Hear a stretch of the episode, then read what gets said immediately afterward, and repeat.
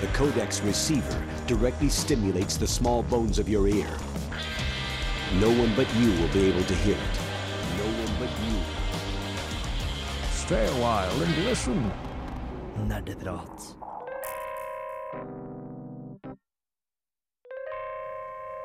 Hei, hei, hei, og velkommen til en ny episode med Nerdeprat her på Radio Revolt. Mitt navn er Anders. Jeg skal være programlederen deres nå i hele to timer. og med meg i studio her så har jeg tekniker Torben T-Bone Dahl. Hei på deg.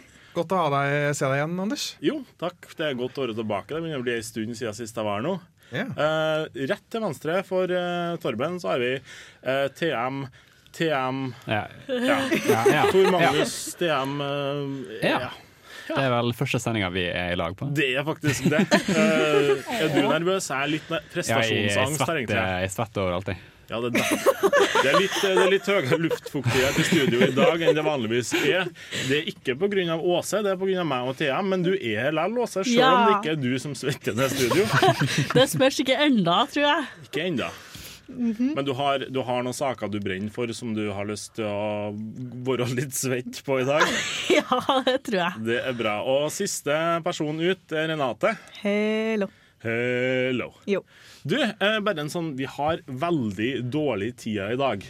Hvorfor, det? det- Hvorfor det? Jo, eh, det er ikke en ordinær nerdepratsending. Vi har ei spesialsending der vi skal kåre de ti beste, eller de ti spillene som vi mener fortjener en oppfølger. Eh, og Derfor så har vi litt dårlig tid, så jeg tenkte bare kunne kjapt gå gjennom meg. Torben, hva har du spilt siden sist? Jeg har ikke spilt noen ting. Nei, TM, hva har du spilt siden sist? uh, Phoenix Wrights som vanlig. Ja, Det, det visste ikke jeg, for det her er min og TMs første sending sammen. Åse, hva har du spilt? Uh, Civilization 5. I avvente av Jeg venter av Civilization 6, som kommer, som kommer ut 21. oktober, så ni dager, tror jeg. Hype Train Has No Breaks. Renate? Ja, jeg har ikke spilt Siv fordi jeg interesserer meg ikke for det. I'm sorry. Men jeg har spilt Stardew Valley derimot. Farming Simulator to the max. Kommer ikke ikke er med på denne måneds uh, Humble Bundle, mener jeg har hørt. Jeg håper da. I så fall, kjøp det, kjære lytter. Da kan det hende at jeg prøver meg på det. Ja. Få se litt. Yes, please. Eh, jeg har spilt Overwatch som vanlig. det, det, er ikke så, ikke så mye mer å si enn det, enn at jeg blir jævlig svett av Overwatch hele tida. Ja, men hvordan level er du? Akkurat nå så er jeg level 218 i, eh, i Overwatch. Faen? Vi skal, vi skal få nyhetene nå med Renate ganske, snart, ganske straks. Men først så skal vi høre 'Bright Lights' av Slutface.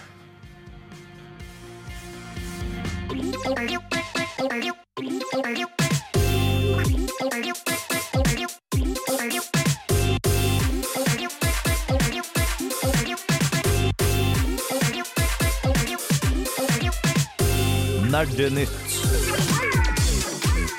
Ja, ryktene skal ha det til at Renate sitter på nyheter som er så ferske at vi brenner oss på dem. Stemmer ikke det, Renate? Ja, stemmer det. Blant annet av nyhetene så har vi at det har kommet nye skins til Overwatch. Cuphead er forsinka fram til 2017, og Beyond Good and Evil kan bli gratis. Vi begynner med første, da, som jeg er mest gira for. Overwatch. Mitt, uh, uh, Mette og Anders et uh, liksom love child da, skal jo få nye skins. Tema til den passende uh, min favoritt uh, årstid. Høy helligdag. Jeg vil påstå at dine nyheter nå er, er utdatert med ca. tolv timer, for de har kommet! Hei! Sorry med da. Men det er halloween. Vi har fått uh, enkelte karakterer er mer hekser, noen er det, hva heter det, Headless Horseman, og noen er blitt uh, zombie. Ikke noen, men mange har blitt zombie, for det er en veldig lett skin. Bare endrer fargene til karakterene og sånne ting. da. Så det er kjempespennende, og det er blitt en liksom, tema, da. Du får nye Er det competitive track? Competitive uh, det er en brawl. play? Det kommer en ny brawl. Brawl. eh, som, ja. som hva er dette? Det her, Brawl er en sånn Hver uke så roterer det i de aller fleste Blizzard-spill. Mm. Uh, Heartstone har sånn Brawl der de introduserer nye uh, spillmoduser med nye regler. Mm. Men for halloween så har de en sånn som heter det nå? Junkensteins Castle eller noe sånt. Som, som den første gangen som introduserer altså, uh, boter som kommer imot deg. At spillerne går sammen og spiller mot boter i stedet for eh, Altså, du har jo en der du kan spille mot boter i Quick Play allerede, Ja. men det her er en sånn modus der du kun kan spille PVE, altså Player versus Environment. Mm, riktig.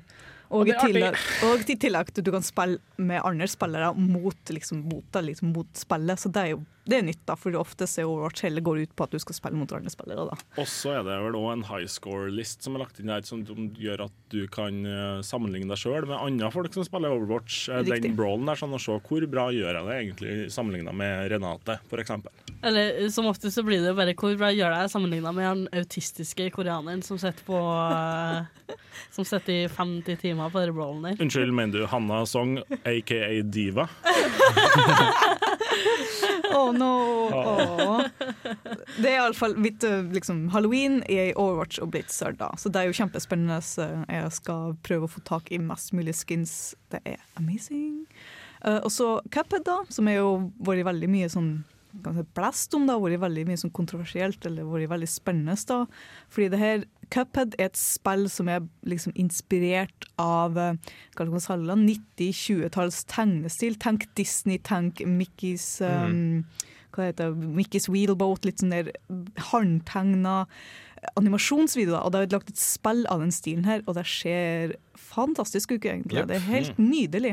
Uh, og jeg skjønner jo at det har blitt lagt inn veldig mye arbeid i det her, da, så de har fornye ut at um, nå blir det, må det utsettes til 2017 for å bare få det her ferdig. For dette ble vel introdusert på en unge Microsoft-konferanse i fjor? Ja, det tror jeg. Ja, det Ja, høres rett ut. Stemmer Eller. Microsoft eller Sony. Jeg tror Nei, Microsoft. Ja. Ja, Microsoft. Ja, nei, riktig, riktig. Og de vil også gjøre deg ferdig, skal vi se, det blir vel det er liksom passende, for det er, de vil gjøre deg ferdig til 80-årsjubileet til Snøhvit og de sju dvergene, da, som en slags homage til Disney og den tegnestilen. da. Ah. Så det er litt, sånn- det er litt søtt. Det er litt fint. Jeg gleder meg veldig til Cuphead, for det skal ty tydeligvis være Unnskyld munnbruken, men helvetes vanskelig! og litt sånn à la Dark Souls, bare cute. Så jeg gleder meg til det skal komme ut. Det er litt som Dark Souls, bare søtt. det var en god beskrivelse, syns jeg. Og sist, ikke minst, så har vi jo snakka veldig mye Beyond uh, Good and Evil uh, her på Nerdeprat det siste da. Eh, skal det bli, skal det bli ikke, skal det bli oppfølger, så videre. Uh, og nå har de confirmed det, da. Uh, og nå skal originalserien, altså første spillet, skal bli gratis. For, uh, for uh, hva det er for noe? For PC og PlayStation, etter det jeg har Så forstått. da da. kan du gjøre litt som meg og liksom på en måte brush opp hva det egentlig var for noe. Ref uh, min glipp tidligere. Ja, stemmer da. Jeg skal i hvert fall bare generelt spille det, for det er tydeligvis Det som er greia med Beyond and det er jo at det var, slo ikke så godt an når det først kom ut, men så fikk det en kultstatus etter hvert, og folk bare forstår å, det er jo kjempekult spill. Ja, det, det er mange spill som er på den måten, uten at jeg skal gå noe videre på det enda. Eh, det var vel alt av nyheter. Eh, men Rohi har laga en låt som heter Is This All There Is? Ja. Ja. Er det det? Så, så det var alle nyhetene? Det var alle nyhetene. Det var alle nyhetene. OK, det var alle nyhetene. Vi går, skal høre låta her nå, og så kommer lista her i Nerdeprat. Du hører på Radio Revolt, studentradioen i Trondheim. Det har du helt rett i. Det her er Radio Revolt, studentradioen i Trondheim. Mitt navn er Anders, og jeg snakka om ei liste før vi hørte, uh, før vi hørte Rowie med Is This All There Is. Den lista var jeg kanskje ikke helt tydelig på å si hva er. Det er at vi, alle vi i Nerdeprat, både vi som er her nå på, på lufta, og dem som er med på sidelinjene og driver og ja, det vil si Steinar. Ja, Steinar kunne ikke bli med oss i dag. stemmer. Og, men nå delvis Chris og sånn har vært med og Mm, ikke så mye, nei. Uansett, vi har laga en liste. Og vi, vi, vi setter oss ned og tenker litt sånn OK, hvilke gode spill er det som har kommet opp gjennom tidene som mangler en oppfølger? Eh, så vi setter oss ned, da, og hver av oss uh, lager våre individuelle eh, ti på topp-liste over spill. Og så har vi i en prosess sammen kommet fram til ti eh, spilltitler som vi alle sammen føler at vi kan stå inn for. Eh, noen, noen har kanskje ikke spilt alle spillene som er på lista. Eh, Noen har kanskje spilt alle, noen kanskje hater en, en av spillene. sant? Men, men samla, i nerdeprat føler vi at vi kan stå inn for, eh, for hele lista. Ja, uh, når jeg så denne lista, så bare tenkte jeg Faen, hva slags tittel er det? Jeg vet ikke halvparten hva det er for noe. Og jeg følte det var skikkelig sånn hipster eh, Kanskje litt stygt å se, men det var skikkelig sånn ja, Spallan, spillene her, har ikke du? Ja, men Du har helt rett i det. Jeg føler at jeg må stå her og nikke overbevisende når enkelte spilltitler dukker opp, så ingen bare kikker rart på meg og tenker hva all verden gjør den dusten her sammen med oss? Så enkelt er det. Jeg tenker vi bare kaster oss i det med en gang. jeg. Yes. Det er laga en liten eh, kjapp eh, reportasje om hvert enkelt spill. Jeg tenker vi hopper på, på tiendeplassen nå med en gang. Nummer ti, Fable.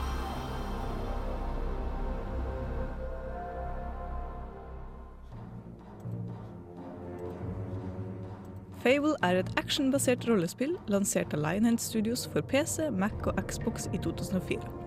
Spillet har tre titler og to spin-off-titler, Fable The Journey og Fable Legends. Du inntar rollen som karakteren Hero. The Hero, eller helten, begynner som oftest på bunnen, enten som bondesønn eller gatebarn. Bortsett fra i tredje spillet, da du plutselig er kongelig. Men i alle spillene omhandler heltene sine ambisjoner rundt søsknene sine, enten de blir kidnappet, drept eller er en nådeløs tyrann. I første spillet blir helten kastet ut i action som barn da en røverbande invaderer landsbyen og kidnapper søstrene hans. Han blir adoptert inn i laget The Heroes Guild, og begynner dermed sin reise for å finne søsteren og hevne landsbyen. Første spillet setter grunnlaget til historien for de senere spillene. Fable er en av mine favorittrollespill, fordi du føler at du virkelig er en del av verden Albion, og det har så mye potensial med sin dype bakgrunnshistorie som man bare kan få et lite innblikk i. Valgene du gjør i spillet påvirker karakteren Hero mye fysisk, så hvis man velger å gjøre mye gode gjerninger i questene, får man en svak glorie rundt hodet, og mye renere og lysere trekk i karakteren. Og hvis man var skikkelig ekkel, så må å drepe den personen du egentlig skulle redde, får du passe nok horn i pannen, blant annet. Du har også mulighet til å gifte deg, få barn og kjøpe opp alle boligene i hele Albion, og bli en skikkelig eiendomsmegler i tillegg til å redde verden. Det jeg ønska meg i en oppfølger, er en Fable-tittel som virkelig holder seg til den originale historien fra første spillet, og delvis det andre. Og ikke minst liker jeg veldig godt de binære valgene man kan ta for å bli enten god eller ond. Så sjøl om den har fått to oppfølgere, derav den ene var grei nok, men den tredje var helt ræva, fortjener førstetittelen en oppfølger som rettferdiggjør historien. Det er på tide med en ny Fable.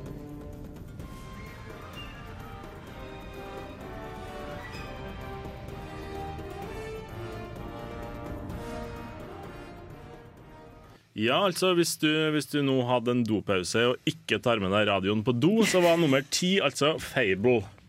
Eh, den har jo oppfølgere, sa du Renate, men, men du syns ikke at de rettferdiggjør den spillverden som Ja, nei, det er riktig å si. Altså, for all del, de, de er Fable, de har samme premissene, samme gameplayet, men det er noe som mangler. Det er noe, den der virkelig fantasiverden som mangler, iallfall i treeren. Altså, treeren minner meg om en sjanger som prøver skikkelig hardt å være fantasi. De tar med alle de tropene. Vi tar med stor, mørk kraft som prøver å ta over verden. Vi tar med et good guys, bad guys. Men det er sånn der ah, Så kjedelig. Den var så kjedelig. Så eh, det savna det veldig. Og det var noe helt annet. Kan hende at når jeg liksom spilte første Fable, så var jeg sånn 11-12 eller hva pokker. Og jeg bare å, kjempespennende, så er skikkelig å, fantastisk. Jeg er et lite jente, jeg får verden. Woho! Og når jeg spilte Fable 3, så var jeg jo sånn bitter 20-åring som bare Jeg hater alt i livet. Ingenting er bra nok, faktisk. Men jeg hadde ikke den samme undret av å spille treeren da. Nei, Så-. Så, så, så du men du, du er nå litt usikker på om det er for at du var en bitter, bitter 20-åring som på en måte farga synet ditt? Eller? jo, riktignok, men jeg har også hørt fra sikre kilder, mine venner, også, som har sagt nei, Fable 3 var ikke noe verdig, var ikke noe bra. Og toa var sånn ja, OK, artig. Men Men hvis det kommer en oppfølger nå, da, skal den hete Fable 4? Eller hva, hva skal den hete for noe? Fable 1,5. Uh, ja. Eller la oss ikke gå i eh, Kingdom Hearts-territoriet. oh, no, no, no, nei, i- aldeles ikke den vennen. Jeg bare tenker litt mer Fable, the, the, the true Fable. Jeg vet ikke, fordi Lionhead Studios er jo også gått konkurs, da, så det blir jo litt sånn der Kanskje dere kan plukke opp konseptet, storyen, altså der Fable var fra liksom, første spillet, og liksom start fra scratch av. En ny Fable 2 og en ny Fable 3 og The Reckoning eller noen sånne ting. Jeg vet ikke. Sånn Fable, The Reckoning. The Reckoning. Here he's back and he's pissed. And you. Du, har, du har Canon Fable, så har du Extend Universe eh, Hey. Fable eller noe sånt. Nå snakker vi. Men problemet da er at, er at Lionhead Studios bare eier rettighetene til 95% av franchisen, så Spiderman kommer utenfor. What? Nei da. Uh, jeg, jeg foreslår at eh, vi bare jobber oss eh, nedover på lista. Uh, før den tid nå, selv om det er et uh, utenlandsk navn, så er han fra Sandvika. Her kommer Colin John med Gylden.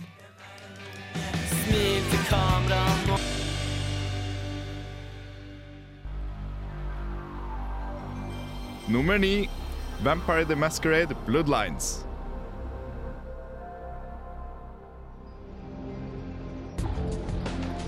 Det vestlige rollespillet Vampire the Masquerade Bloodlines kom ut i 2004 og var utvikla av Troika Games, kjent for titler som Arcanum of Steamwork and Magic Obscura og The Temple of Elemental Evil. Med andre ord så var lange spilltitler deres merkevare. Spillet ble møtt med blanda kritikk i 2004, men har i etterkant opparbeida seg en stor følgemasse og et aktivt moddingsamfunn. I Vampire The Masquerade Bloodlines tar du på deg rollen som en nyfødt vampyr, og du blir introdusert for og oppslukt av en verden med fantastiske storylines, super voice acting og baner som jeg til dags dato vil påstå er noe av det beste jeg har vært borti i et dataspill. Troika Games kasta inn håndkleet i 2005, før Vampire The Masquerade Bloodlines virkelig ble oppdaga av et større publikum. Paradox Interactive kjøpte i fjor opp rettighetene for hele White Wolf-franchisen, inkludert Vampire The Masquerade, men noen oppfølger har ennå ikke blitt nevnt. Nerdeprat, nerdeprat, nerdeprat, nerdeprat. Nerdeprat, nerdeprat, nerdeprat, nerdeprat. Ja, fra ei trist historie om vampyrer til den muntreste greia jeg har vært borti så langt i livet mitt.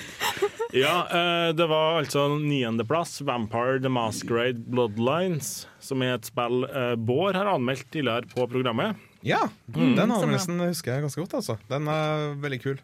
Ja, Vant ikke det en pris eller noe sånt? ting? Ja, internt i Internpris, studentmedia. ja. Stemmer det. Ja. Mm. Og en million norske kroner. Nei da. Skattefrie. Men det her er altså et spill som ikke har noen oppfølgere i det hele tatt. Mm. Uh, Troika Games bare slipper det spillet her. Um, så, og så, fikk, det, fikk ikke det helt den mottakelsen det burde ha fått. Men eh, Noe avslører kanskje hvis jeg ikke har fulgt med her, men Vampire, Vampire The Masquerade Bloodlines Det er så en kolon i tittelen at eh, Ja. Er det oppfølger til noe tidligere uh, nei, spill? Eller er det enkeltstående? Uh, Vampire the Masquerade er et, en del av World of Darkness-universet til White Wolf Games, som er et sånt uh, et, eh, pen and paper-rollespillverden. Ok. Eh, på lik linje med Werewolf, The Apocalypse, Mage, The Awakening Bla, bla, det er bla, bla, og så videre, og så videre. Noe mørk gotisk, et eller annet mørk gotisk. Ja, sant. Altså, her er det øyenskygge herifra til månen, på en måte. Altså, det, er, det er skikkelig mørkt hele veien.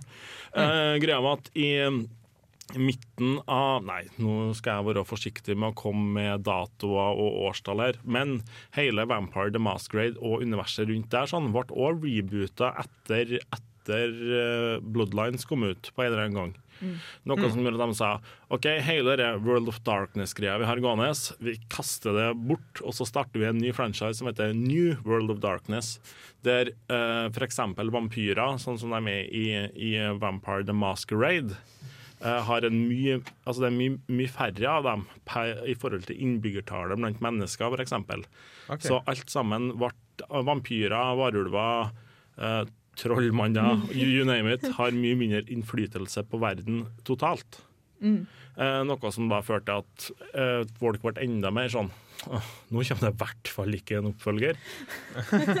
Helt til i fjor, når, eh, når eh, Paradox Interactive, som eh, sikkert er kjent for eh, blant annet Åse er veldig entusiastisk for strategispillene deres.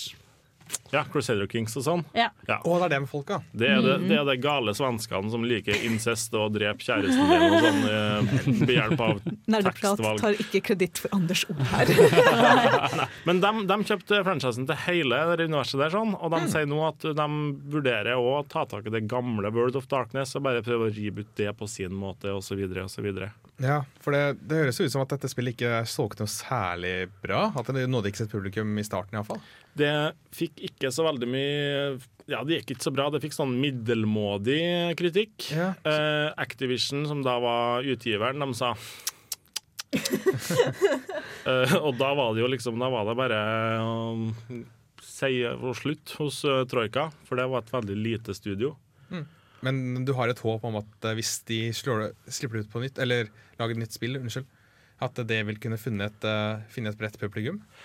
Ja, for at eh, Bloodlines tok jo og det, det favna jo kjempebredt. Det bare gjorde det sju-åtte år for seint. men, men, men altså, navnet henger jo med folk. Hvis, hvis du bare klarer å spille på det gamle spillet og si at dette her er en oppfølger satt i samme verden, så tror jeg det kan, kan slå gjennom ganske bra. Hva, hva er det du ønsker deg i en oppfølger? Ja, altså her er jo et, Det er jo et første tredjepersons uh, RPG, der uh, i tillegg til at historiefortellinga er bra, så er jo uh, voice-actinga var jo faktisk kjempebra. Både tatt i betraktning når det var laga, uh, og hvor få folk det var som jobba med spillet. Så hvis de bare klarer å fortsette med det, og fortsatt klarer å holde den, den halv, altså den litt, litt mørke, men samtidig veldig humoristiske tonen i alt, de, alt som blir gjort. Uh, og det er også gjort på en veldig stilfull måte. De tar opp vanskelige tema bare gjør det bra lell. Ja, og til tross for at uh, hvor gammelt det er, så finnes det faktisk ennå på Steam. Du kan kjøpe det for en ganske så billig penge, og jeg anbefaler det, for det er, det er spesielt. Det koster vel ca. 200 kroner til vanlig, men det kommer regelmessig på salg. Så, så hvis, du har, eh, hvis du har lyst til å kjøpe én mindre øl neste til helga, så anbefaler jeg å bruke eh, pengene på det i stedet. Vi skal videre nedover på lista, men før den tid skal vi høre Lido med 'Murder'. Og jeg er i hvert fall kjempespent på hvilket spill det er som har havna på åttendeplass her på rangeringa vår. Nummer åtte, Catherine.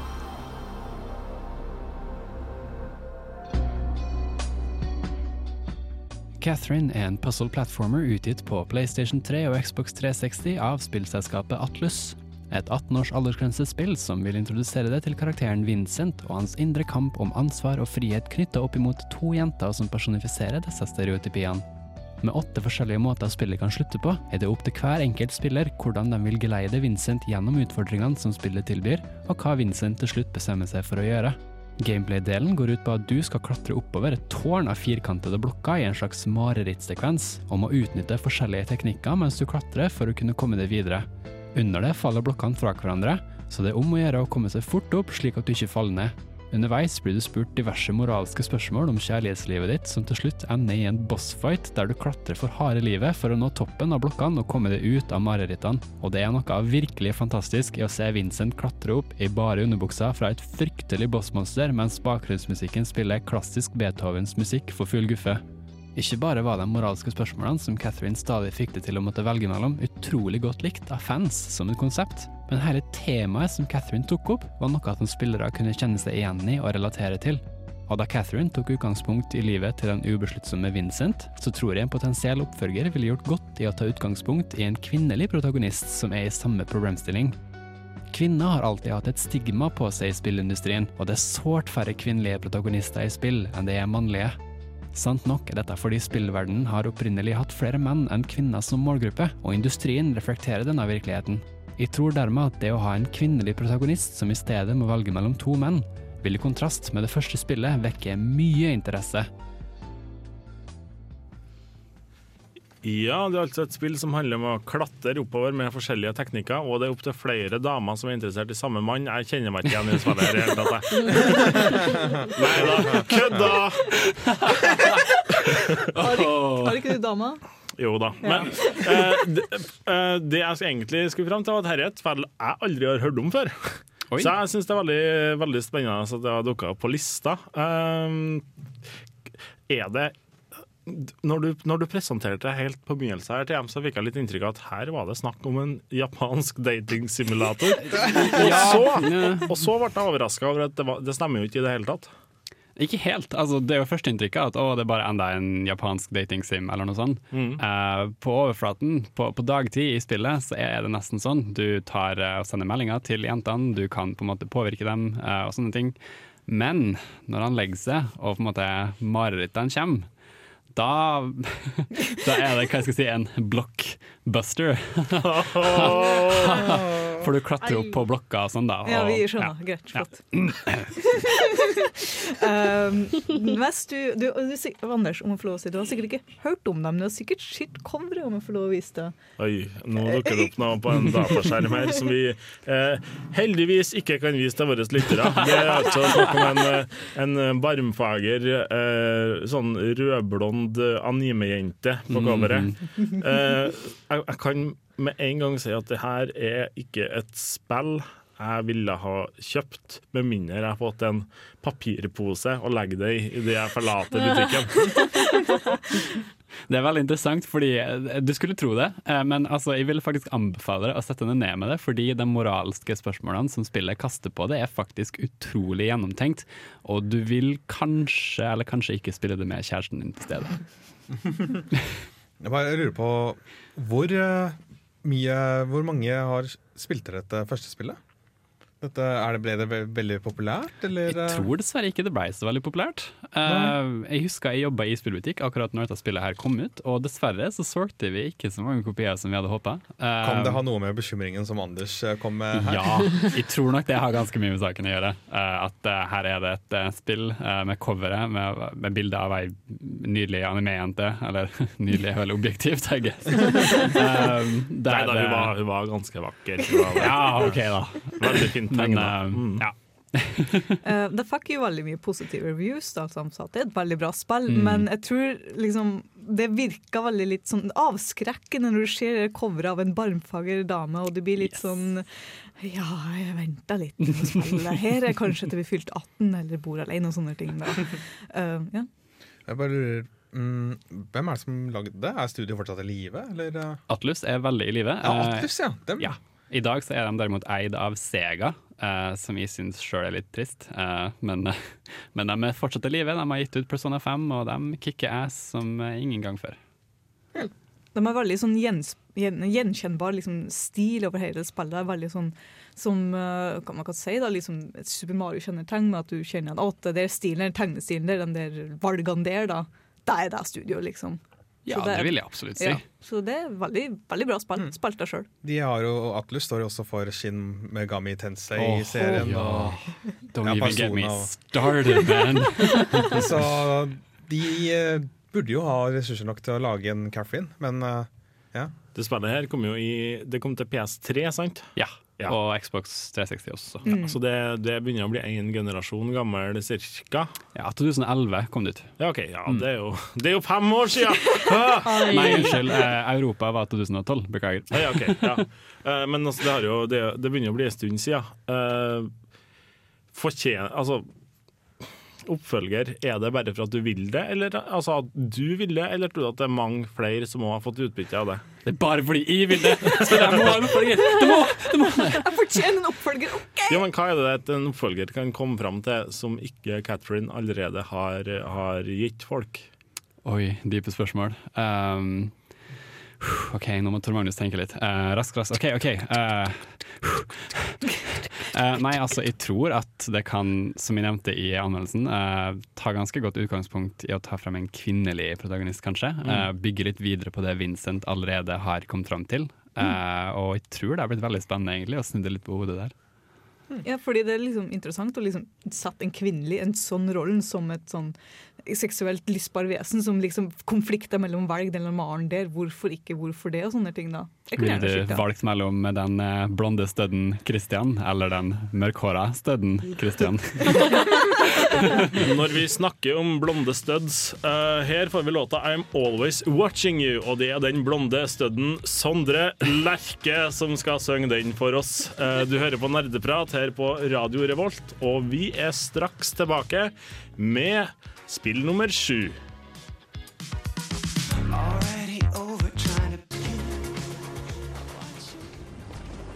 Incoming! Du hører på nerdeprat! Nummer sju Pokémon TCG.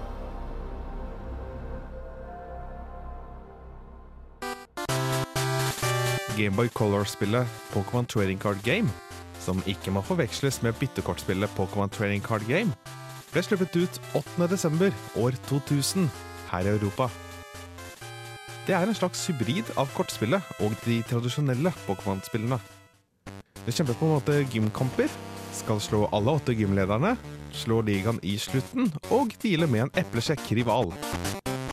Det mest imponerende er dog kortspillduellene. Utviklerne har virkelig greid å oppdatere samlekortspillet til Gameboy Color. Du skulle tro det var knotete å styre i dueller, men takket være god utnyttelse av alle knappene og bra design, er det lett som en lek. Gameplayet til kortspillet har flaks som et sentralt element, men i motsetning til i hovedspillene er flaksen eksplisitt til stede, i form av å flippe kron og mynt, og hvilke kort du trekker fra kortstokken. Jeg føler at jeg har mye mer kontroll over det som skjer i Pokémon Trading Card Game, i forhold til hovedspillene. Spillet fikk en oppfølger i 2001. Denne oppfølgeren ble dog aldri utgitt utenfor Japan. Nå, 16 år etterpå, skulle jeg ønske at jeg kunne dra på et større eventyr, med dagens grafikk og dagens Pokémon-kort, og stoppe slemminger og beseire gymledere med Pokémon-kort. Hvor absurd det nå enn måtte høres ut.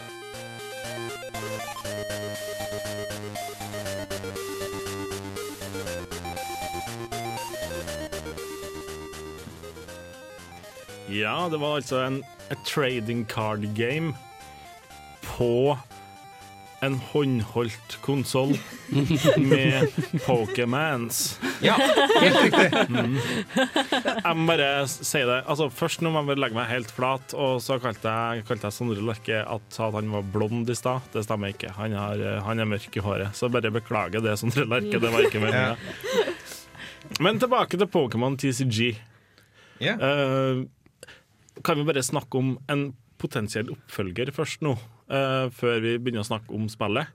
For det, for det jeg tenker nå at Dette høres ut som en fantastisk måte å komme seg inn på mobilmarkedet med andre ting enn bare Pokémon Go. Oi. Spennende. Kanskje. Ville det latt seg gjennomføre? Det spørs litt når du skal navigere sånn. Ja, det kan gå med, kanskje med touch. For da kan du veldig enkelt bare trykke på ting i menyen. Ja, bare Alle telefoner har touch i dag, Torben. Ja, det er det jeg sier. ja, ja, ja. Nei, men det Altså, du har jo sett det med Heartstone eh, og Magic the Gathering finnes jo på telefon. Ja, tingen er at eh, det, du har allerede per i dag et eh, spill på desktop i nettleseren. Mm. Hvor du kan spille Pokémon Trading Card Game online. Som på en måte blir Pokémon-varianten av Hearthstone og den type ting. Mm. Mens eh, dette Pokémon Training Card Game til Gameboy Color så starter opp med å, å velge navn. Og så besøker professoren, og så får du et uh, Pokémon-dekk. Og så Are you a boy or a girl? Det er først i uh, Japan-eksklusive oppfølgeren du får velge kjønn. Oh, ja, okay. Og da tror jeg du bare velger mellom to portret- portretter, faktisk. Så det er ingen creepy professor her. Men du uh, Noe av fordelen da, med dette er at uh, i sånn tradisjonelle spill som Hearthstone og Eller tradisjonelle, sier jeg. De typiske kortspilladaptasjonene i dag, så er free to play, og du betaler for kortet sånn. Dette spillet er jo selvfølgelig ikke free to play. Du betalte en viss sum, og så har du på en måte alle kortene i spillet. Og du vinner da kort ved å få nye, ny nye kort ved å slå trenere i dueller. Det at du har alle kortene i spillet, gjør det vel helt urealistisk at det kommer ut for mobil i, i dagens marked, gjør det ikke det? Det var kynisk og korrekt. Ja. Så det er litt derfor jeg ønska på at et eh, self-contained spill. da At du betaler én sum, og så har du alle kortene tilgjengelig. Du må bare vinne dem i dueller. Men, men det var en rival med her. Det får det til å virke som at det, var en, eh, det ligger en narrativ i bunnen i tillegg Ja, ja. til selve spillet. Som er Det gjør det. Du går eh, Du, du beveger på figuren din i Overworld. Skjønt det er ikke noe sånn Du beveger deg ikke mellom routes og sånt, for du kan ikke kaste Pokémon-kort på hvile Pokémon. Mm. Men eh, du eh, Du har en slags kart hvor du velger hvilket sted du vil gå. Og så går du der, og så har du noen rom som kan bevege deg. Ja, ja, sånn, ja. Sånn at du, har- du har på en måte Og hele verden ligger fri fra, eh, fra starten av. Du må bare Kanskje eh, gjøre et lite oppdrag der før at personen på en annet sted har lyst til å utfordre deg, og så videre. Ja. Shit. Dette var vel før, eh, siden det heter Pokémon TCG, så var det vel før Wizards of the Coast trademarka ordet, eller frasen trading card game. Ja, det var vel også Wizards of the Coast som sto for eh, de første Pokémon-kortene. Ja. Oi, Det stemmer. faktisk. Og det morsomme her er jo at de har ikke, oppdatert, ikke bare oppdatert kortspillet, de har også oppdatert kortene. Så hvis du spiller dette spillet og hadde et forhold til Pokémon-kort eh, da de starta, så vil du nok kjenne igjen mange av Pokémon-portrettene og sånt. Så det har blitt på en måte Gameboy colorifisert. Så det her var et samarbeid, det var ikke to rivaler som sloss. Nei, nei, nei. Dette er offisielle adaptasjonen av uh, Wizards of the Coast sin Pokémon Trading Card Game. Aha. Altså, jeg syns dette burde være en sånn at det burde komme ut At de burde oppdatere det hver gang det kommer ut et nytt Pokémon-spill.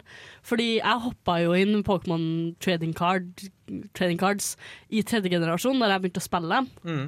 Uh, og så fikk jeg masse gamle kort fra søstera mi, men hovedsakelig så er jeg mest kjent med den tredje generasjon.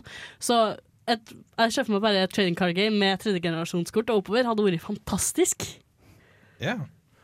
Men hva er det egentlig en oppfølger kan gi? Er det at det kommer nye kort? Er det at det innfører nye regler? Hva, hva er det en oppfølger har å tilby annet enn eh, ja, 15 års oppdatert grafikk, egentlig? Ja, det er jo mye grafikk, men det er også mulighetene som den gir til eh, litt mer historie, kanskje. Mm. Uh, for historien er jo sånn bare bones. Det er minimum det de kunne brukt. Og oppfølgeren hadde faktisk eh, litt mer omfattende historie. Mm. Altså den Japan-eksklusive oppfølgeren. Jeg har, jeg har egentlig vært fornøyd med bare å få den Japan-eksklusive oppfølgeren oversatt og lansert på Virtual Console. Mm. Nice. Og fordi der så har de en uh, gjeng som heter Great Rocket. Så de, uh, sikkert stikker nok trademark uh, fra Team Rocket uh, hvert. Ah, Men eh, nice. som på en måte tar over og kidnapper eh, noen av disse gymlederne og gjør ugagn. Ja, Betyr det at vi er ferdig med Pokémon? Bare list her nå, da. Så bra! ja. vi, vi skal gå videre ned til nummer seks, sånn at vi er halvveis ut i lista. Men før den tid skal vi høre Honningbarna med 'Sinna unge menn'.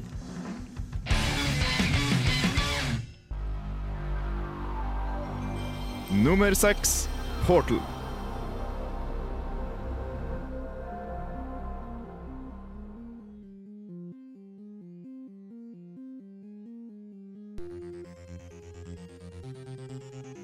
Valve er notorisk dårlig på å gi ut tredje entries i sine franchises, og Portal er intet unntak. PC-spillet fra 2007 var en enorm suksess og har en ivrig fanbase den dag i dag. Portal fikk en oppfølger i 2011, men vi sitter igjen med mer spørsmål enn svar. Toeren avslutter med en cliffhanger uten like. Hvorfor i all verden har Chell en companion cube nå? Og er det combine til stedes på overflata? Ryktene florerer om en samla Half-Life 3 og Portal 3-release, og vi fikk nylig teasa en utgivelse til HTC Vive gjennom en trailer og Demon The Lab. Portal-universet er rikt og fullt av ubesvarte spørsmål. Vi trenger svar, dammit! Gi dem til oss! Det var den Åse Maren jeg savna. Jeg, sa, jeg sa du kom til å bli litt svett utover i sendinga, og jeg hadde rett!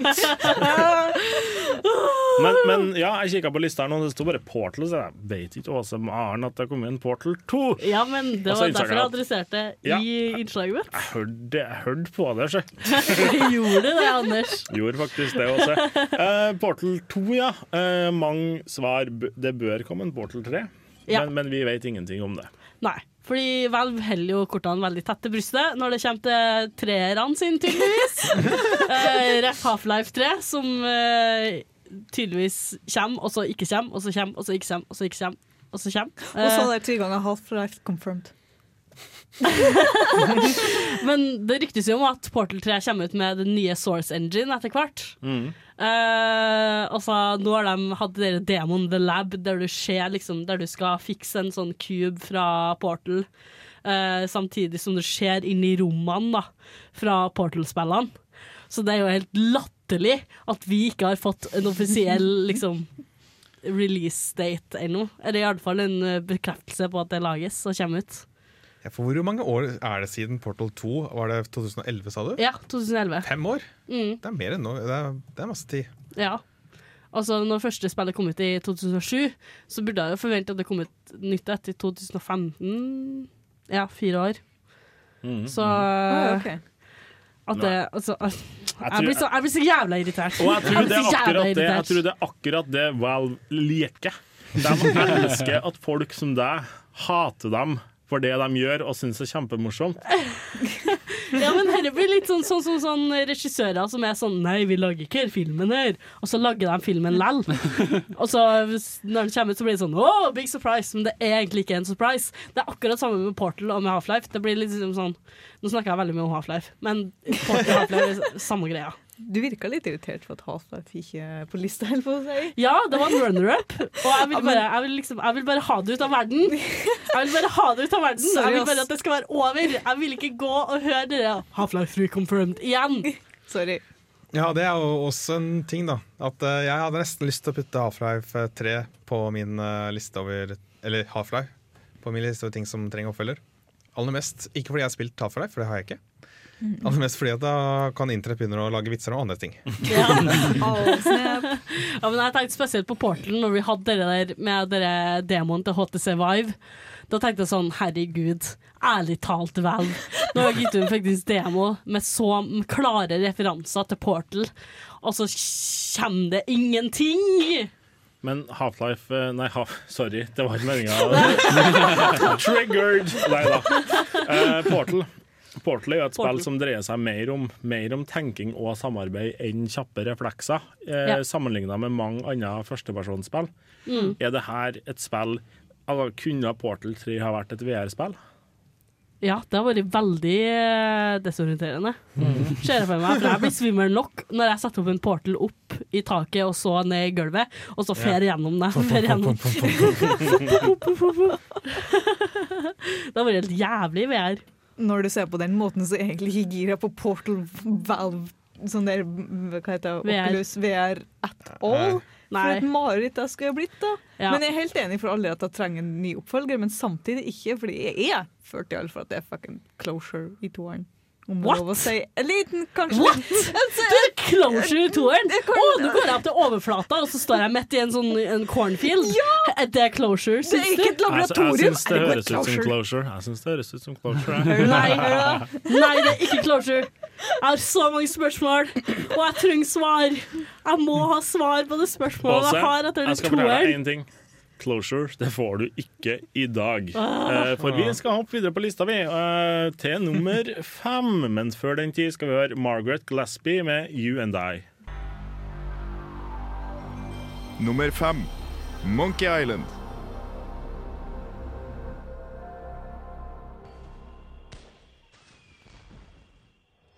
Monkey Island er et grafisk point and click adventure-spill som følge av piraten Guybers Threepwood. Spillet ble for første gang lansert av LucasArts Studio i 1999 og har fått fem oppfølgere fram til 2010, som følger samme hovedkarakter. Men til tross for at denne tittelen har fått fem oppfølgere, skal jeg argumentere hvorfor den alltid trenger enda en. Du er Guy Brush Treefoot, en simpel, men ambiøs mann som ønsker å bli verdensberømt pirat og vinne gunsten til den fryktløse guvernøren Elaine Marley. Men det er ikke bare han som prøver å vinne Elaine sitt hjerte. Den grusomme zombiepiraten Ilchuk skyr ingen midler for å komme i Elaine sitt favør, annet med å kidnappe henne. Guyber sin oppgave i livet blir dermed å finne et skip, samle sammen et crew, reise land og strand og samtidig løse gåter for å redde Elaine, som visstnok har ingen problemer med å redde seg selv. Du kontrollerer Guybrush med å bruke tre ikoner. Hånd, hodeskalle eller papegøye. Hånd kan du være produktiv med å plukke opp objekter, eller være destruktiv og klaske til noen.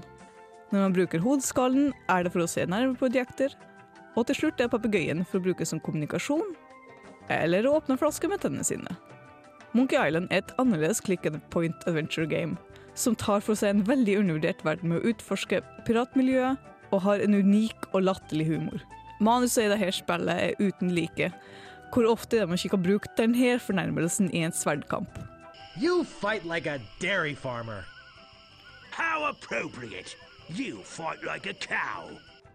Monkey Island passer både for nye og gamle spillere. Riktignok har den fem spill, men det fortjener helt klart enda en oppfølger. Den har mye verden den kan ta, alltid bad guys som trenger å bekjempes. Jeg mener, skurken er jo en udødelig zombie. og det er alltid flere gåter og puslespill som trenger å løses. Gi Guybrush en sjanse til å bli en verdensberømt pirat. Ja, fortjener egentlig Garwood en sjanse til til å bli en verdensberømt pirat? Han er jo ganske berømt allerede. Eh, Ja, men altså, i mine øyne så er det aldri 50 minutes of fame, eller sånn, det kan al- alltid bli litt mer berøm, og det er jo nye generasjoner å imponere, ikke sant? Mm. Så ja, Så, som, i, som i det virkelige liv. nettopp, jeg vet. Uh, det er jo Så, ja, du vil gjerne bare ha mer av det samme, har jeg inntrykk av? Ja, ja, ja, sånn som eh, jeg alltid hver helg har lyst på mer Freia melkesjokolade. Ja. jo, men når du faktisk satt deg på den måten, så var det veldig interessant å følge eksempel. Altså, det ender jo opp med at Guybrush vinner jo alene til slutt, fordi reasons. Og det var jo veldig artig hvis vi kunne ha fulgt avkommet deres, og liksom, fordi det var veldig interessant, den der sammenligninga. Den eh, liksom fornuftige, sterke, fantastiske Elaine og Guybrush, som er simpel, simpel, redd, redd hare. Og for sitt liksom, kombinasjon mellom to, liksom, ja. Men ikke, ikke like greit å gjøre som i Firefly, da, at man bare avslutter mens leken er god. Ai, ai, ai, ai, Sa og kasta ut en potensiell brannfakkel, innså jeg nå. Og litt mer varmere i studio, ja, du kan si det. Så Firefly Nei, men, men når, når kom siste Monkey Island-spill, da? Det kom i 2009. Såpass? Eller Ja. er det HD-utgaven, kanskje? Nei, det stemmer. da. Tales of Monkey Island som kom i 2009, det er vel HD-versjon fra første spill, hvis jeg ikke tar helt feil. Ja, stemmer det. Mm. Den, den prøvde jeg. Men Ja. så kom jeg til et eller annet punkt var nødt til å frakte noe etsende væske. Jeg måtte bytte hvilken kopp, og, sånt, og det var så kronglete å gå i menyen, og sånt, og jeg greide det ikke. Det høres ut som Monkey Island, det, ja. ja. uh, og det, det er jo for så vidt veldig bra. Det er jo, jeg er alltid sånn fan av å lage en HD-remakes ut av diverse spill, så og det, igjen, det fungerer veldig fint å introdusere nye gamere til et veldig godt spill. da.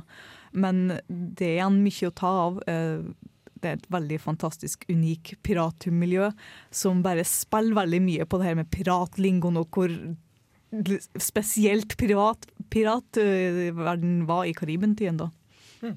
Men jeg bare lurer på gameplayet. Hvordan ser du for deg at uh, dette, et nytt Monkey Island-spill skulle vært? Uh, Skulle vært uh, fortsatt med den pek og klikk-sjangeren som på en måte har dødd litt ut, eller hvordan skulle de gjort Men- det for en, denne ny audience? da? Nå snakker vi mobilspill igjen. Det her, jo, jo, men helt seriøst. Det, altså, Monkey Island det er jo ingenting i veien for at det ikke kan eh, kunne nytes på samme måte som du spilte back in the days, bare at nå spiller du det på iPaden din i stedet. Ja, det skulle faktisk ikke forundre meg om det kom i litt en version for en iPad, og sånne ting, da, for det er veldig lett. Det er jo bare point, klikk, point, klikk, som du basically gjør med en pad eller touchskjerm mer generelt. Men jeg er veldig for at det skal holde seg til den 2D, liksom, følg som plattformene, følg karakterene og det der enkelt liksom, peke, klikk eller snakk, kommunisere, da. Uh, fordi det er bare sjarmerende, basically. Uh, så ja, for all del, kjør på. Nå kommer det en digresjon her, men etter hvert som vi snakka om Monkey Island, nå, så innså jeg et spill vi har glemt av å ha med på lista. Jeg må si det nå, jeg må spoile det allerede. Åh, oh, jeg vet hva det er! Jeg vet hva det er. Hva er det for noe? Er det Flåklypa PC-spillet? Oh Nesten.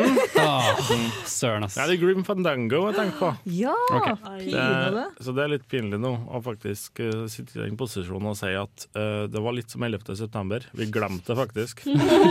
No. We forgot. Nei, men det, er- det er enig i. Jeg vet ikke, Kanskje det er samme studio Lucas Art, som har lagd Grim Fandango og Monkey Island, hvis jeg ikke tar helt feil. Oi, nå spør du veldig vanskelig her. Eh, Eh, skal, vi, skal vi konsultere den magiske, magiske boksen vi har stående her?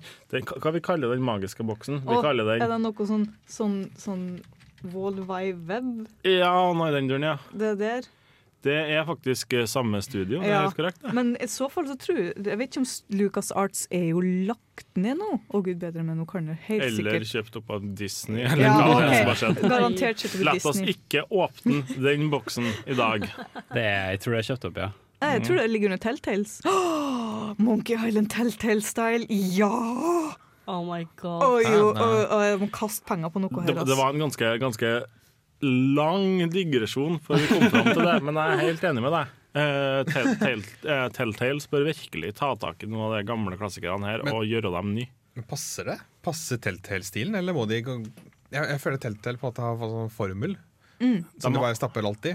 Ja, uh, og jeg, Funker den formelen for dette? her? jeg tror den kan fungere bra til å introdusere én, nye folk som kun liker Telltales game-spill, til, til Monkey Island-franchisen. Og samtidig hente inn en del eh, spillere som har gode, gode minner om, om Monkey Island. Så jeg mener at det funker. Støttes. Er det noen som er uenig? Ja, Ja, Det kommer det, vet du. bare for pur faen. Nei, jeg, jeg føler at kanskje folk begynner å bli litt lei. Telltale-stilen.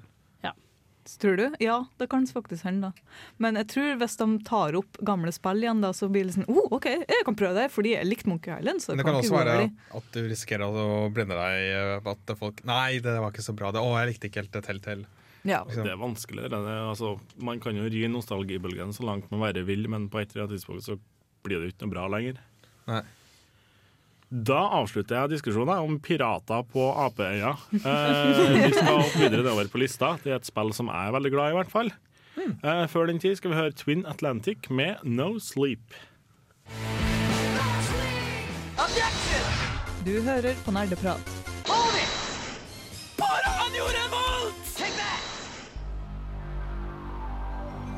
Nummer fire Baldur's Gate.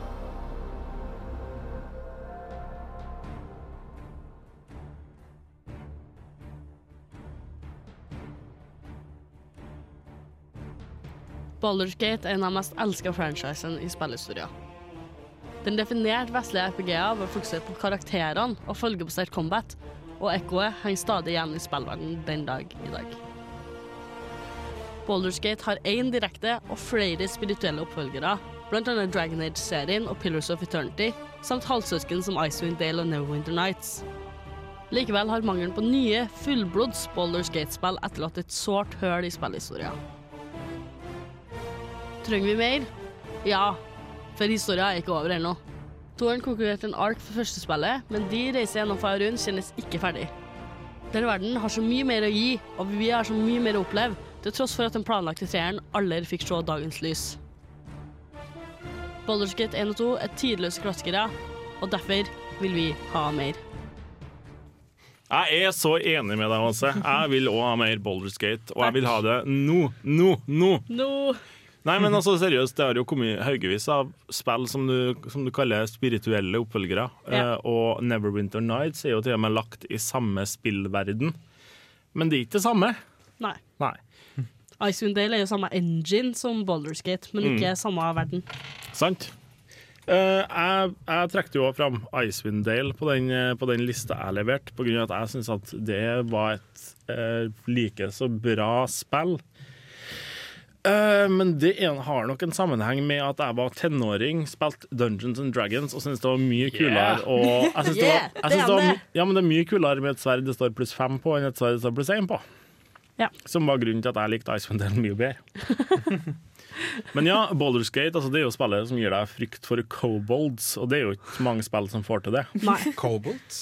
Mm. Hva er det? Små troll. Trollaktige Det, er- det er en blanding av en, eh, av en chihuahua og en goblin. Sånn cirka. Jo, men de, jo, men de ser jo sånn ut. Ja, altså, de bjeffer nesten til deg. Altså, Du får ikke lov å fornærme hundene på den der måten. Altså. Som en standhaftig hund. Nei. For til vanlig så er kobolt sånn, ja ja, enda en. Men i Baldur's Gate så er det litt sånn, å faen! Satan ditt! jeg, så, jeg så et bilde en gang på internett Uh, der det er bilde av, en- bilde av en mann i bar overkropp som slåss mot 15 krabber samtidig. Og så står det 'When you're level one in an RPG'. Uh, og det føles veldig sånn, altså. Uh, hele, hele starten av Boulderskate, for du går jo maks opp til level 8 eller sånn, ikke det? Ja. Ja, Oi. på eneren så er det level 8 maks. Så det er jo klart at du er jo ganske lenge på level 1 sammenligna med hvis du spiller det pen and paper, f.eks. Det er Ja, for det, jeg spiller bare bitte litt, bitte litt Boulderskate, men det ble litt sånn der Hva? Hvor er min level 20? Hvor er min level 40? Det her er ikke rett! Jeg vil, ikke ha 8. Dette er jo altså basert på advanced DND, da. Som er litt sånn DND bare for nerds. Og med mye mer terningrulling og kalkulasjon og alt mulig. Vanligvis når folk sier uh, alt var så mye Altså, alt var mye tyngre før i tida. Vi måtte gå til skolen i snøvær, i oppoverbakke, begge veiene. Eh, Som oftest så kødder de, men når det kommer til Dungeons and Dragons og Advanced Dungeons and Dragons, da kødder de faen ikke, altså. For det, det var det verste jeg har vært med på. Men det var artig likevel. Ja, for jeg lurer på Jeg har ikke spilt Boulderskate og har eh, prøvd meg på pen and paper og RPG én gang. Mm. Men eh, har dessverre aldri hatt tida til å gå ta det videre. Hva, hva, er det som er så, hva er det som er tiltrekkende med Boulderskate? Hva er det som er det gjør det så bra? For meg så var det uh, at jeg tok tak i en spillverden jeg var kjent med fra før av, Forgotten Realms, som er en av verdenene i Dungeons and Dragons-universet. Eh, I tillegg til at jeg var sykt nerd og leste noen bøker og sånn. Uansett. Eh, det tok utgangspunkt i et regelverk jeg mer eller mindre var komfortabel med fra før av, og at det var sverd med. I tillegg, i tillegg da, så var det òg en del morsomme karakterer. Det var litt grann voice acting med. Det meste var vel tekst, men, men deler av det var voice acting i tillegg. Eh, du hadde blant annet en ranger som heter Minsk. Eh, ranger er en sånn Du kan velge om du bruker bue eller om du bruker to sverd. Og det er litt sånn blanding av Robin Hood og Ninja, egentlig. og han hadde et kjæledyr, og det var et ekorn. Og det heter Boo. Og i kamp, eh, hver gang han eh, var ute i kamp altså, Boo var jo aldri representert i spillet, annet enn i portrettet til Minsk. Men og snakka til det jævla ekornet hele tida. Så når han gikk inn i kamp, da, så kauka han til ekornet. 'Gå etter øynene deres, bu! Gå etter øynene deres!' Så, ja, og det var en del sånne ting som bare appellerte helt sykt til tenårings-Anders. Ja, altså det var jo en sånn eh, Hva skal jeg kalle altså Forgotten Realms er jo en veldig kjent setting til DND, og det er veldig klassisk en. Og når jeg allerede hadde blitt introdusert til det gjennom DND, og så var det litt sånn Bare det jeg elsker i videospillform, og de fikk det til jævlig bra. Mm. Og det, altså det overrasker meg hvor godt de klarte å transfer uh, pen and paper RPG til et spill. Og det, det er vanskelig, altså. Det er det. I tillegg, uh, I tillegg så får du vel hele tida stått user-interfacen og visst deg eh, hva den gjorde. Den fikk, ga deg f.eks. en beskjed om at du rulla 16 på terningen når du prøvde å slå den her. Ja. Og når du fikk critical hits, eksploderte de i en sky av eh, blod. Men altså, jeg har jo spilla bare litt, da, men er det Jeg ble litt sånn demotivert for at det var så sykt vanskelig i begynnelsen. Og det er litt sånn, ja, OK, nå har 340 millioner rotter drept men Blir det her bedre? Altså, blir det ikke lettere, men blir det litt sånn mer avhengende etter hvert? Det blir mer allsidig, i hvert fall. Okay. Altså, jeg vil si at det er litt som Dark Souls i det at du må lære deg spillet. Og du må gå inn for å lære deg spillet. Det er det samme med DND. Rett og slett, lær deg det, og da blir det dritbra. Helt enig. Eh, Jeg syns ikke det er et spill som har eldes så veldig godt med verdigheter. Jeg synes det, altså, det må komme en oppfølger for at folk gidder gidde å spille det noe mer. That being said, uh, James Blake og Vince Staples har laga en låt som heter 'Timeless', og den får du nå på Radio Revolt.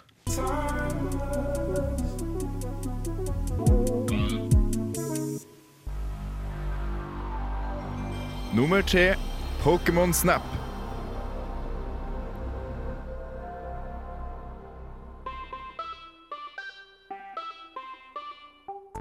Pokémon Snap er en first person rail shooter og simulatorspill utgitt på Nintendo 64 av spillselskapet HAL Laboratory. rail shooter. Spillet introduserer oss til Todd Snap, en ung mann som blir hyra av professor Oak til å ta bilder av alle Pokémonene som finnes. Han blir utstyrt med kjøretøyet Zero One, som du bruker til å cruise gjennom banen mens du tar bilder, som professor Oak gir deg poeng for etterpå. Du vil få poeng basert på forskjellige kriterier, som f.eks. hvor tydelig Pokémonene i bildet er, eller om den gjør en spesiell pose. Bakgrunnsmusikken som følger med, er i bunn og grunn det man forventer av et Pokémon-spill. Koselig og stemningsfylt, men til tider litt fjollete og morsom. Men da spillet egentlig er ganske kort, så føler jeg dessverre at musikken er noe man lett kommer til å glemme etter at man har lagt spillet fra seg. Pokémon Snap er jo uten tvil en av Nintendo sine største missed opportunities for en oppfølger å være. Ikke bare har det vært etterspurt i opp og ned av fanbasen, men med alle de generasjonene med Pokémon vi har skaffa oss gjennom tidene siden spillet kom ut, så har det blitt et stort og ofte oppbrakt spørsmål om når i alle dager skal vi få Pokémon Snap 2? Spillet var sjarmerende og lett å underholde seg med. Da selv om du hadde fullført en bane, så kunne du alltids gått tilbake etter at du fikk tak i nye redskaper, og potensielt finne nye Pokémon og hemmeligheter. Så forestill deg Pokémon Snap 2. Ta for deg Nintendo Wii U, for eksempel, der gamepaden perfekt kan fungere som et kamera, der du suser på skinner gjennom de seks neste generasjonene med Pokémon som Pokémon Snap-serien har i vente. Tenk for en nostalgia-trip det kunne blitt for spillere som har fulgt serien, altså Pokémon-serien, siden dens begynnelse. Tenk på potensialet. Med over 600 Pokémon igjen, pluss den nye sjuende generasjonen, har du jo potensielt en helt nytt Triple A-game til full pris, med masse DLC-muligheter. Spesielle costumes til Todd og limited edition sepia-filters, in game background music og så mye mer. At Pokémon Snap 2 ikke finnes allerede, er jo bare helt ufattelig. Så grunnlaget for en oppfølger er der. Men hvorfor Nintendo ikke har utgitt det alt, det er noe jeg dessverre tror vi kommer til å fortsette å spørre oss sjøl i god tid framover. Ja, på lista over ting Anders tok feil i i dag, så var det når jeg for en fire-fem spill siden sa at nå er vi ferdig med Pokémon, men det stemte altså da ikke. Pokémon Snap! Oh, snap! Oh, snap. Men Po- Pokémon Go har jo kamerafunksjon. Nei, det er ikke det samme. Det er ikke det, Anders. Det er Nei, nei, nei, nei. Nei, nei. Nei, nei, nei, nei. Nei, nei, nei. nei. Jeg må, jeg må bare få påpeke at du, du ble så revet med der på slutten til meg, så høres ut som bare Herregud, kommer til å grete snart. For er det er så sykt bra! Men ja, jeg er enig i det. Jeg har, jeg har spilt litt uh, Pokémon Snap, men jeg har sett resten på, på playthrough på internett. Fordi, ja. Så jeg tror det blir veldig fint. Oh my god, folkens! Fordi det, På 3DS-en er det ikke det er sånn 3D-kamera? Jo. Jo. 3D-Pokémon Snap. For eksempel, altså, det har jo vært fantastisk. Oh my Eh, som, som vi nevnte, vi har jo så mange generasjoner nå, så det er jo, det er jo så mye materiale å ta i. Selv ikke det første spillet inkluderte alle Pokémonene. Ikke sant? Så Som det var tilgjengelig jo- på det tidspunktet. Hvor, hvor er det hen? Hell Laboratory, hallo?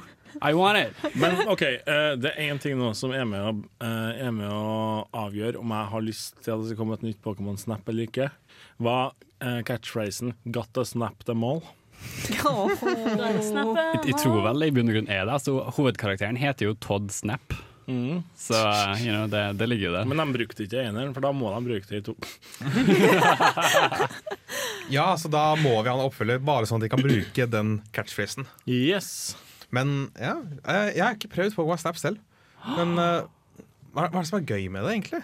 Det, det, bare det, det å skal altså, fotografere det, det høres Altså, ja, hva, hva, er som, hva, hva er det som gjør det gøy? For meg så høres det ut som Duck Hunt, bare med Pokémon-sistan. Jo, men altså Ja. Ja men også... Skille mellom duck og hunt her. jo, jo, men altså, i prinsippet, i prinsippet så er det jo det samme. Du, du pe Faen, Hvis jeg skal begynne å bryte det sånn, så kan jeg jo egentlig si at alle skytespill går ut på å trykke på hodet bare med musa. òg. Nei, glem, glem den tankegangen der. Sånn. For, for min del så vil jeg si at det er på en måte veldig koselig. Du setter det ned, du, du går på rails og blir på en måte rulla gjennom en bane der du eh, på en måte bare har litt tidspress på å ta bilder mens Pokémonene springer forbi deg og sånne ting. Eh, så du på en måte hører på en koselig musikk mens du knipser og knapser bilder og uh, kaster ting på dem for å få dem til å gjøre rare ting. Og så, ja. du, du, du kaster epler og sånn, da, så det, det, er ikke, det er ikke så ille. Epler det er ganske vondt å få i hodet. da Men er det for å, det er for å lokke fram, eh, det er for å lokke frem Pokémons? Det òg, men du kan kynisk nok også kaste en poison ball i etterkant, eh, som Why? Eh, Spør Hal Hell Laboratory, eh, jeg vet ikke. Det, det er jo tross alt en rail shooter, så de måtte vel prøve å leve opp til Trenger ikke gå av skinnene for det. Eh, ja, artig. Prøv å være så skinnhellig. Men, men da går vi litt off the rails. Jeg tok nettopp den. Ja, men på, ikke på engelsk. Nei, OK, sant da. Å, er det det Du sa at vi sporer av litt. Hold oss til temaene som er Pokémon Snap. Tema. No. Jeg, jeg tror ikke vi har så mye mer å si om Pokémon Snap, men altså tredjeplassen, Pokémon Snap, fortjener en etterfølger. TM mener det. Jeg mener det hvis den bruker catchphrasen 'got to snap them all'. Enig. Eh, bortsett fra det så virker studio litt uh, blanda. Vi skal opp i topp to straks. Vi skal høre låta til mannegruppa Ottar som heter 'Told You I'd Be With The Guys'. Nei da, det er Cherry Glazer som har det, men det kunne like så godt vært tagline for mannegruppa Ottar.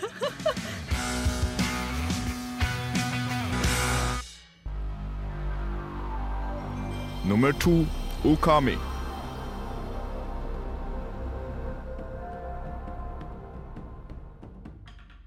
Spillet Okami er et action-adventure-spill der du styrer en gud som også er en ulv.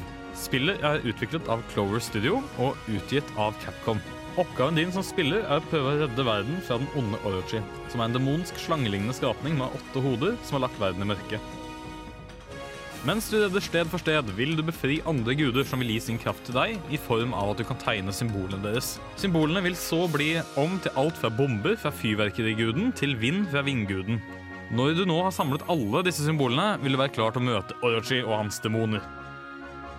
Det er en veldig åpen og stor verden med mange oppdrag og hemmeligheter. Spillet minner veldig om Zelda når det kommer til spillestil, med dungeons, sideoppdrag og belønninger som mer liv eller nye abilities.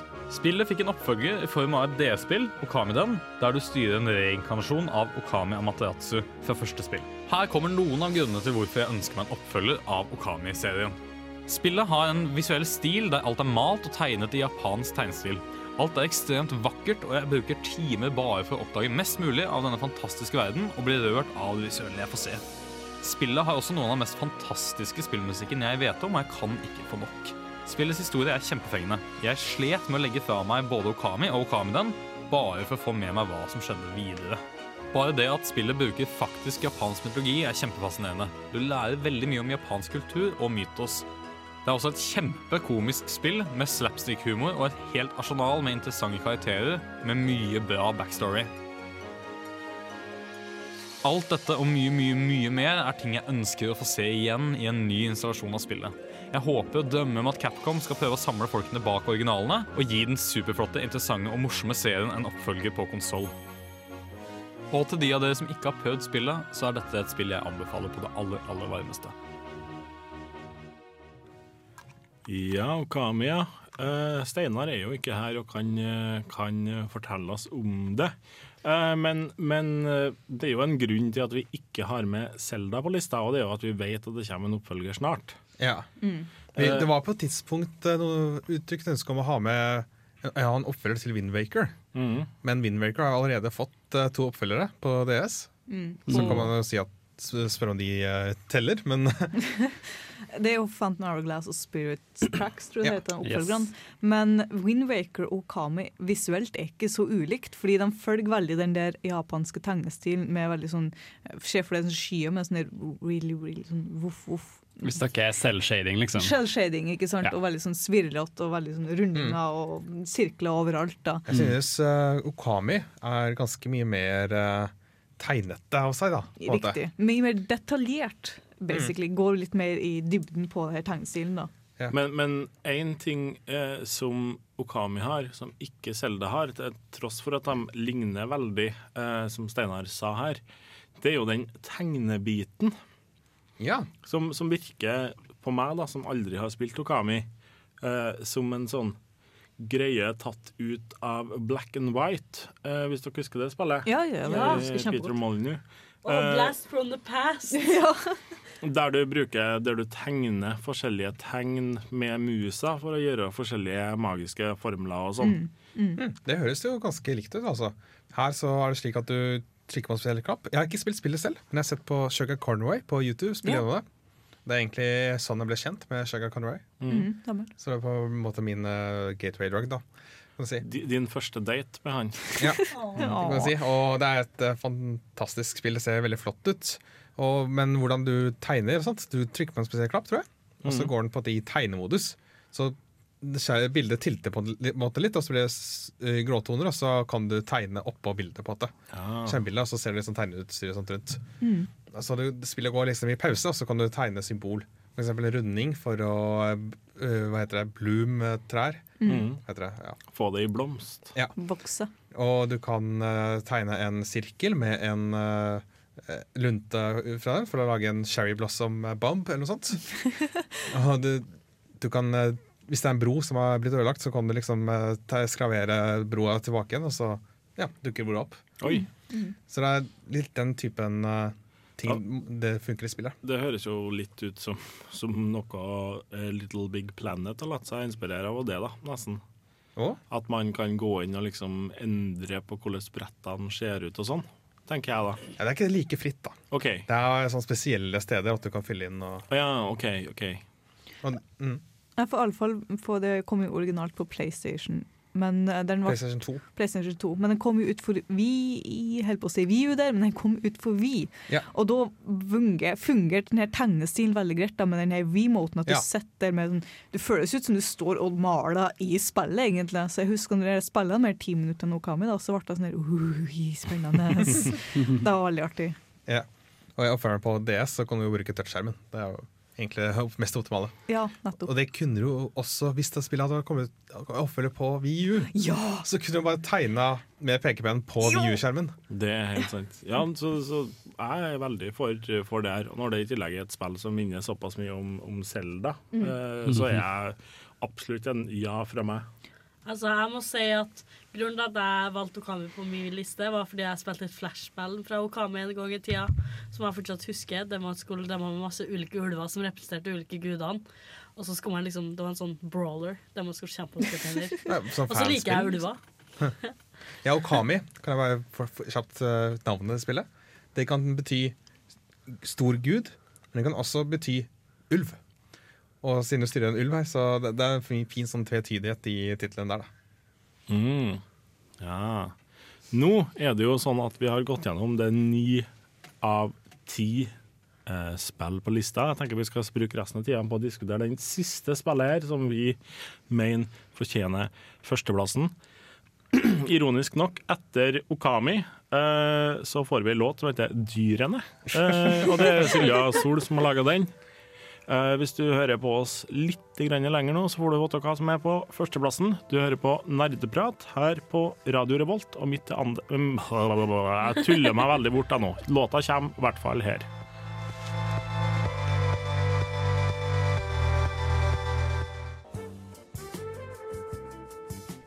Forskning påviser at ti av ti italienske rørleggere blir tilfredsstilt av nerdeprat på Radio Revolt.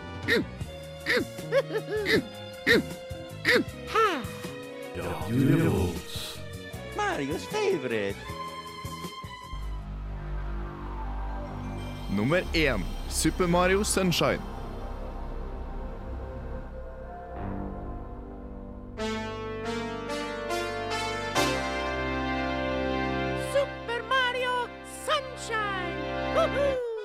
Likhet med andre spillet i mange andre Nintendo-serier, så var Super Mario Sunshine en drastisk forandring fra alt det vi kjente fra første spillet, nemlig Super Mario 64. Borte var slottet og muligheten til å slå fiender med hånda di. Nå er du nemlig strandet på sydenparadiset Delfino Island, og må vaske den fordi du har blitt dømt til det av en domstol. Objection! Overruled! Det du gjør, er å spille ned øya med vann ved hjelp av en dings Mario har på ryggen, kalt Flood.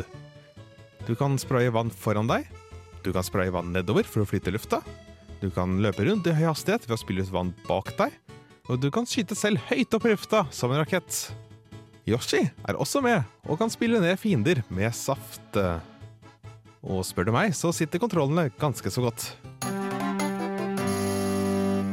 Det som appellerer så mye med Super Mario Sunshine, er stemningen og områdene. Som navnet tilsier, har spillet et sydenpreg over seg. Og jeg får rett og slett feriefølelse av å sette meg ned med Super Mario Sunshine. Områdene er også kreativt satt opp, og fungerer veldig godt for innlevelsen i spillet. Mye bedre enn i noe annet Super Mario-spill, verken før eller etter.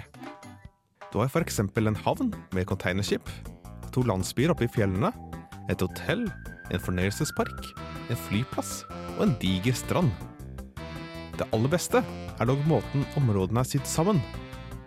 Fra hvilket som helst område kan du i horisonten se konturene av de andre områdene i spillet, og resten av geografien til Delfino Island. Alt dette gjør at jeg virkelig greier å leve meg inn i spillet. Super Mario Sunshine ble utgitt på Nintendo GameCube i oktober 2002. og ble i utgangspunktet etterfulgt av Super Mario Galaxy i 2007. Men det har aldri siden kommet noe spill som er en oppfølger til Super Mario Sunshine.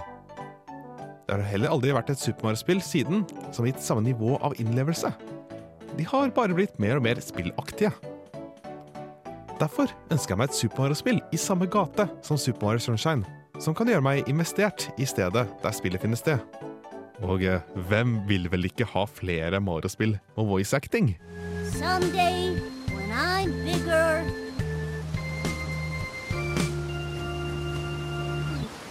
I wanna fight that Mario again. That's my boy. Well put, son. The Royal Cooper line is as strong as ever. But for now, let's just rest a while. Ja, førsteplassen går da altså til Super Mario Sunshine! Som for øvrig er det spillet som etablerer at Peach er mammaen til baby Bowser. Jeg skulle til å klippe ferdig et klipp som beviste at du tar feil, men eh, Det var, det var for øvrig jeg som påsto det her. Så lenge vi tar opp noe at nei, Peach har ikke produsert Jo. noe. vi, i, eh, Faktisk, jeg spilte et klipp her som var fra slutten av Super Mario Sunshine. Rett før det klippet til, så sier uh, Bowser at, at eh, sønn, det er noe vanskelig å fortelle deg om prinsesse Peach. Han sier sånn Ja, ja, jeg vet, Peach er ikke egentlig mammaen min. Og Bowser bare oh, Holy shit, hvordan visste du det?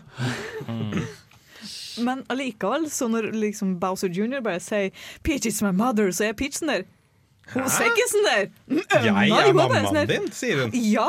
Det, det du akkurat du, altså Hvis du har møtt på en person, en liten, liten unge, på, når du er ute og går til Samfunnet, for eksempel, Torben, og så kommer han opp til deg og sier 'pappa', og så vet du at jo, dette er jo faktisk min sønn, men, men jeg vil ikke ha det med denne kiden å gjøre. Da sier du 'jaha'.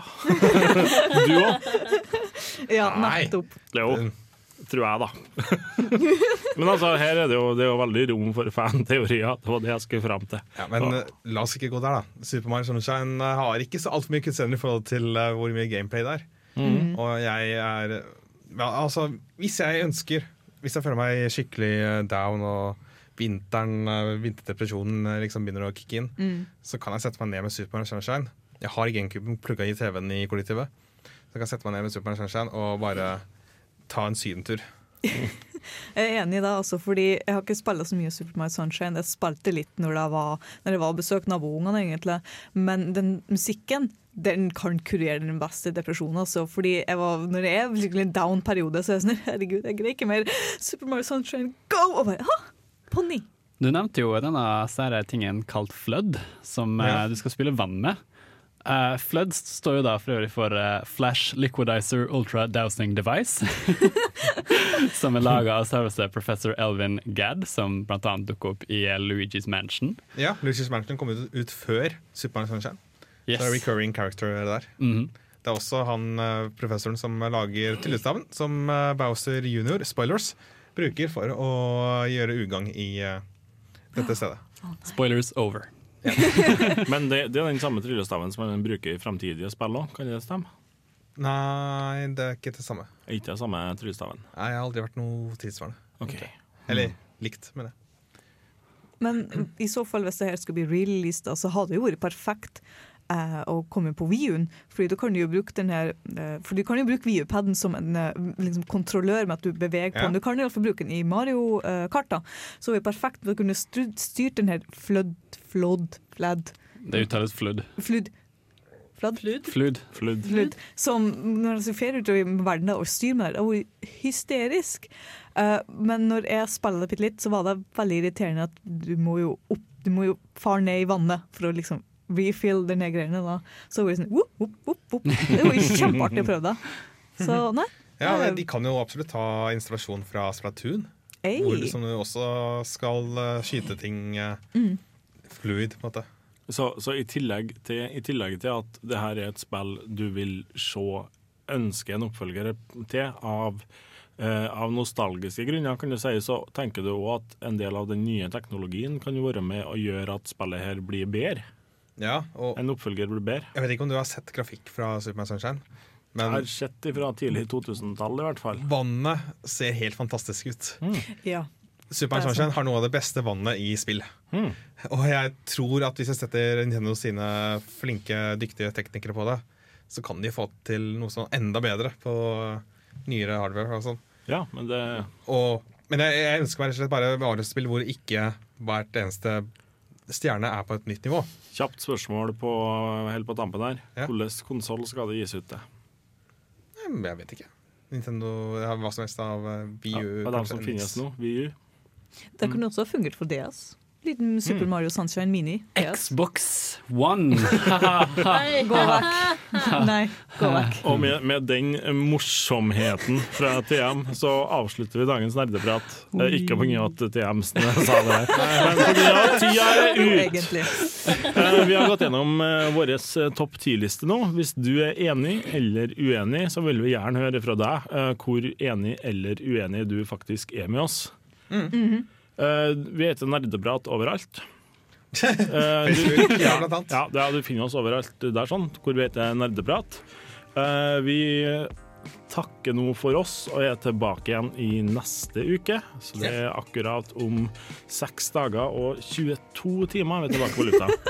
Jeg heter Anders, jeg har vært programleder og jeg har kosa meg, og det håper jeg dere har gjort. Ja. Ha det bra!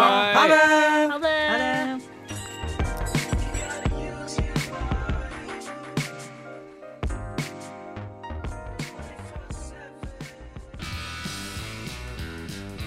Du lyttet nettopp til en podkast fra Radio Revolt. For å høre flere av våre podkaster, gå inn på radiorevolt.no.